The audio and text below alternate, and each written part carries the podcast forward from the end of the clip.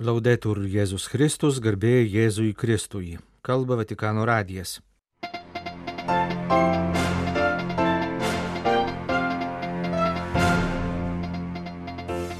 Antradienį Vatikane pristatytas spalį vyksiančios Vyskupų sinodo asamblėjos darbo dokumentas. Popiežius priėmė Kubos prezidentą. Didžiojoje Britanijoje tarnaujantis Konstantinopolio patriarchato ortodoksų vyskupas išrinktas Europos bažnyčių konferencijos pirmininku. Trečiadienį sukanka 60 metų nuo popiežiaus Pauliaus VI išrinkimo. Sinodinė bažnyčia yra atvira visiems. Kiekvienas joje yra laukiamas. Ji visus priima, gerbdama skirtumus, jų nenutrindama, nevienodindama. Rašoma antradienį, birželio 20 dieną, Vatikane pristatytame būsimosios Vyskupų sinodo asamblėjos darbo dokumente. Vyskupų sinodo asamblėja tema dėl sinodinės bažnyčios bendrystė dalyvavimas ir misija vyks šių metų spalį Vatikane. Po metų 2024 spalį numatyta antroji asamblėjos dalis. Šiems kulminaciniams dviem etapams skirtas Instrumentum Laboris darbo dokumentas buvo parengtas remiantis medžiagą gautą iš visų pasaulio vyskupijų, atspindinčią per pastaruosius dviejus metus vykusį procesą, pradėtą 2021 spalio 10 dieną, kai popiežius Pranciškus paragino visą bažnyčią pradėti kelionę, kuri padėtų suprasti, ko reikia imtis, kad viso pasaulio katalikų bendruomenė vis labiau save suvoktų ir gyventų kaip sinodinė bažnyčia. Vatikano spaudos salėje pristatyta Instrumentum Laboris sudaro 60 puslapių tekstas suskirstytas į dvi dalis ir 15 skyrių. Pirmojoje dalyje kalbama apie pastarųjų dviejų sinodinės kelionės metų patirtį, antrojoje išryškinami prioritetiniai klausimai, sudarysiantys spalio mėnesį vyksiančios asamblėjos tematiką. Šią dalį savo ruoštų sudaro trys teminės grupės - aukti bendrystėje priimant visus, ne vieno neišskiriant, pripažinti ir vertinti kiekvieno pakrikštytojo indėlį į misiją, permastyti vadovavimo būdus ir struktūras, kuriais būtų galima geriau visus įtraukti į dalymąsi bendrą atsakomybę misionieriškoje sinodinėje bažnyčioje. Bažnyčios sinodiškumas turi labiau persmelkti visas jos institucijas, struktūras bei procedūras.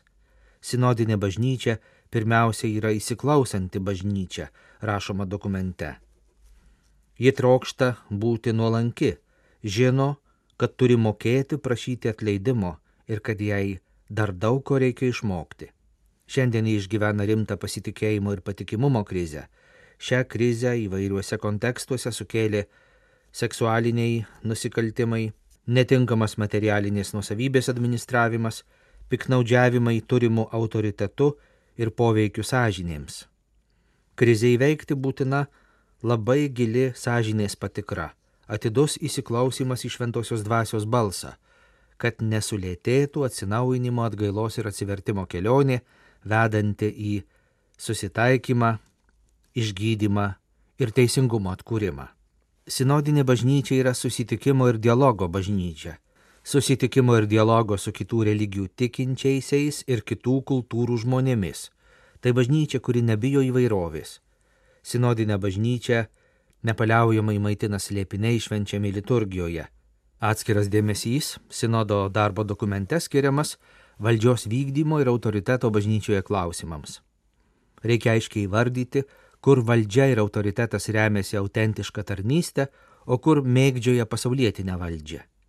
Taip pat iškeltas integralios ir nuolatinės formacijos poreikis būtinumas atnaujinti kalbą, vartojamą pamokslavime, katechezėje, taip pat visose komunikacijos su tikinčiaisiais ir visuomenė formose, tiek naudojant tradicinės žiniasklaidos priemonės, tiek ir bendravimą socialiniuose tinkluose.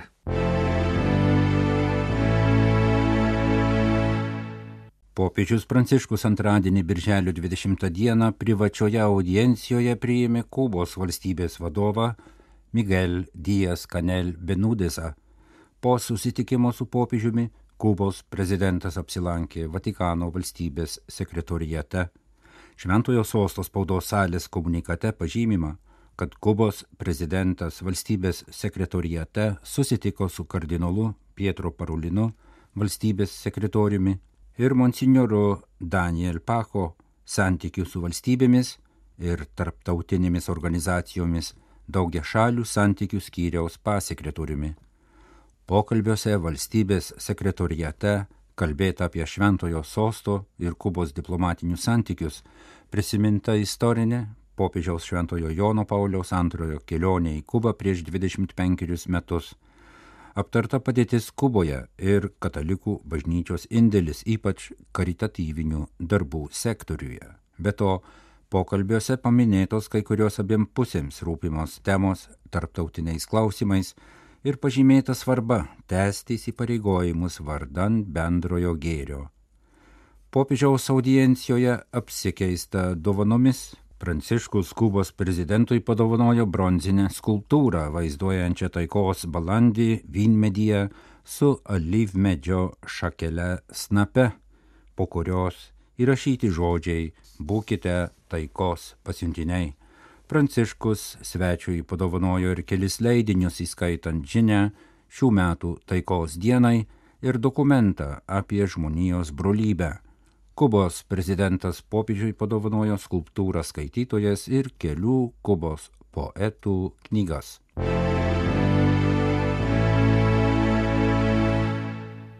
Nikitas Teatrų ir Didžiosios Britanijos ortodoksų arkivyskupas išrinktas naujoju Europos bažnyčių konferencijos pirmininku, Konstantinopolio patriarchato ganytojas, kuriam ketvirtadienį birželio 22 dieną sukanka 68 metai, yra visuotinio patriarchato priekybos žmonėmis ir naujųjų laikų vergovės darbo grupės koordinatorius ir Europos katalikų ortodoksų forumo vicepirmininkas. Taline posėdžiaujanti Europos bažnyčių konferencijos generalinė asamblėja išrinko ir du vicepirmininkus. Jais tapo Anglikonų bažnyčios vyskupė Dagma Winter, nuo 2019 m. Huntingtono vyskupijos ganytoja ir Maiseno komisijos atsakingos už anglikonų ir protestantų santykių gilimą narė ir kunigas Frankas Kopanija, Vokietijos evangelikų bažnyčios dvasininkas ir parapijos klebonas, Vokietijos evangelikų bažnyčios užsienio reikalų skyriaus vadovas, kūruojantis santykius su Europos bažnyčių konferencija.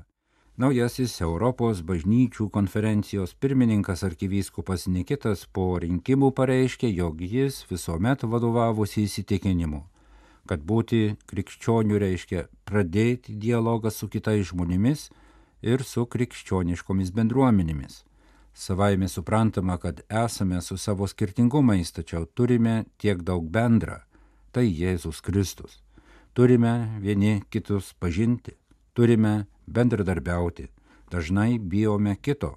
Noriu, kad mano santykiai su kitais būtų kupini krikščioniškosios meilės, tiesos ir sažiningumo, pažymėjo naujasis Europos bažnyčių konferencijos pirmininkas arkivyskupas Nikitas. 2019 metais arkivyskupas Nikitas užėmė Teatirų ir Didžiosios Britanijos ganytojo sostą Londono Šventojios Sofijos ortodoksų katedroje. Teatirų bažnyčia yra viena iš septynių, apie kurias kalbama apsireiškimo Jonui knygoje.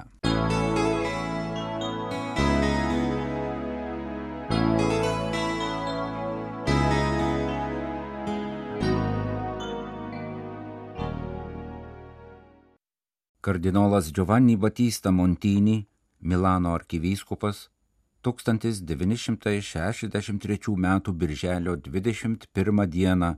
buvo išrinktas Romos vyskupų ir visuotinės bažnyčios ganytojų - popiežiumi. Pagrindinis jo pontifikato rūpestis ir uždavinys buvo vadovauti ir užbaigti popiežiaus Jono 23 sušauktą ir pradėtą Vatikano antrąjį susirinkimą Paulius VI, nepaisant priekaištų tiek iš konservatyvių, tiek iš progresyvių bažnytinių sluoksnių dėjo ypatingas pastangas, kad didžiausios bet kada istorijoje bažnyčios asamblėjos nutarimai virstų tikrovę bažnyčios gyvenime.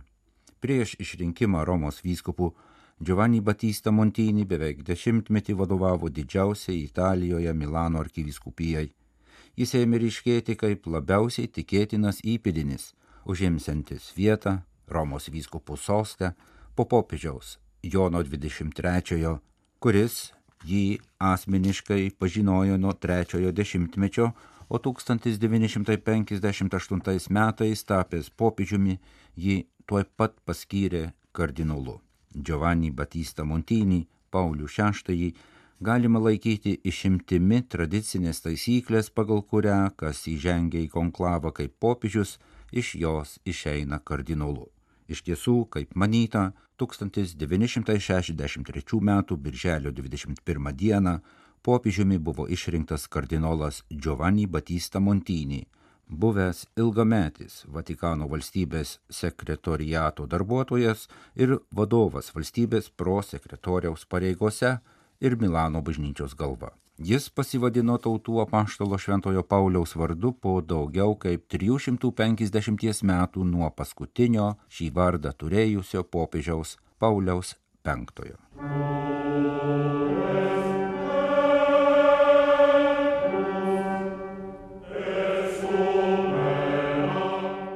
Giovanni Batista Montini buvo paskutinis tiara pagal šimtametę tradiciją karnuotas Romos vyskupas, karūnavimo tiara, kurios jis vėliau atsisakė, nurodydamas ją parduoti ir sušelbti vargstančiuosius, iškilmės įvyko 9 dieną po išrinkimo, birželio 30-ąją.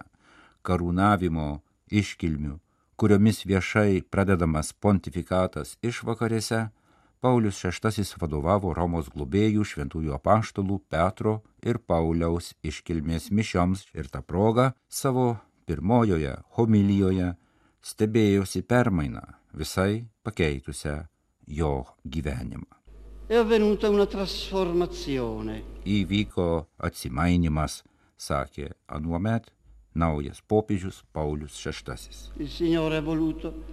mettere sulle mie povere spalle, forse perché erano le più deboli e le più idonee a mostrare che non è lui che vuole qualcosa da me. Viešpats panorėjo uždėti didžiulę naštą ant mano varganų pečių, galbūt todėl, kad jie patys silpniausi.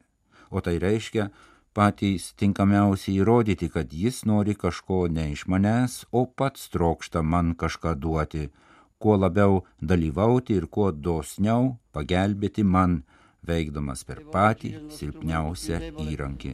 E bontà. Kad šitaip paliudytų savo galę, savo laisvę ir savo valią. Dilatentur spazia caritatis, si allarghino i confini della carità, dell'amore. Te išsiplečia meilės ribos, tęsė Paulius VI cituodamas šventąjį Augustiną, Jis pridūrė. Si sono così allargati i confini dell'amore che diventa per me precetto e programma da estendersi a tutto il mondo, da diventare universali. Šią dieną meilės horizontai man išsiplėtė taip plačiai, kad šiuos bažnyčios tėvo žodžius galima priimti kaip priesaką ir programą plėstina į visą pasaulį, kad taptų visuotinė. Pauliaus šeštojo pontifikatas baigėsi jo mirtimi 1978 metais viešpaties atsimainimo šventės dieną rūpjūčio šeštąją.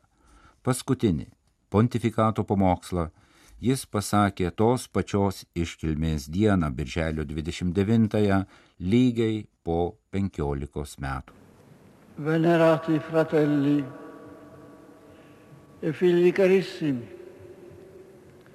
il corso naturale della nostra vita volge al tramonto. Patviravęs apie priartėjusi gyvenimo saulėlydį, akivaizdžiai lygos naštos paženklintas 80-metis popiežius homilijoje apžvelgė ir įvertino visą savo magisteriumą, išskirdamas dvi pamatinės temas - saugoti tikėjimą ir ginti tiesą apie žmogaus gyvybę. Tikėjimą, kurį kaip bendrą turtą Kristaus pavedimu saugo Petras ir jo įpėdiniai, uolos vikarai ir vienybė su juo esanti apaštalų kolegija vyskupai. Li avvertiamo paternamente si guardino dal turbare ulteriormente la Chiesa. Paulius VI tėviškai perspėjo nenukrypti nuo tikėjimo tiesų, nenueiti asmeniniais doktrininiais keliais ir kitų nesuklaidinti.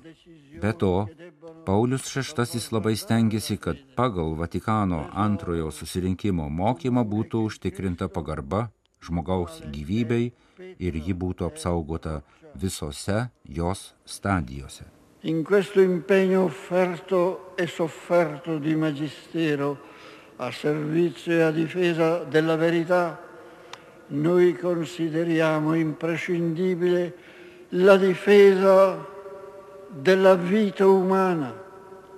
Il Concilio Vaticano II. Įsakmei patikino, kad gyvybės gynimas yra neatskiriamas nuo tarnystės tiesai ir tiesos gynimo. Mes tai pavertėme savo pontifikato programą 1978 metais pažymėjo Šventasis Paulius VI. Jis be to pasakė, Davanti ai pericoli che abbiamo delineato come di fronte a dolorose defezioni, pavojų gyvybės klausimais kaip ir skausmingų bažnytinio ir socialinio pobūdžio pabėgimų iš bažnyčios akivaizdoje, mes, kaip Petras, jaučiamės verčiami eiti pas viešpati, mūsų vienintelį išganimą ir jam šaukti. Domine, atquemibimus, Signore, a chi andremo? Viešpatie, pas ką mes eisime? Verba vita eterne aves. Tu hai parole di Tu vita turi amžinojo gyvenimo žodžius. Solo a Lui, a Cristo, che è la verità, Tik jis tiesa, solo Lui è la nostra forza. tik jis mūsų jėga, tik jis mūsų išganimas. Da Lui confortati proseguiremo insieme il nostro cammino. Jo godžiami tęsime kartu mūsų kelionę.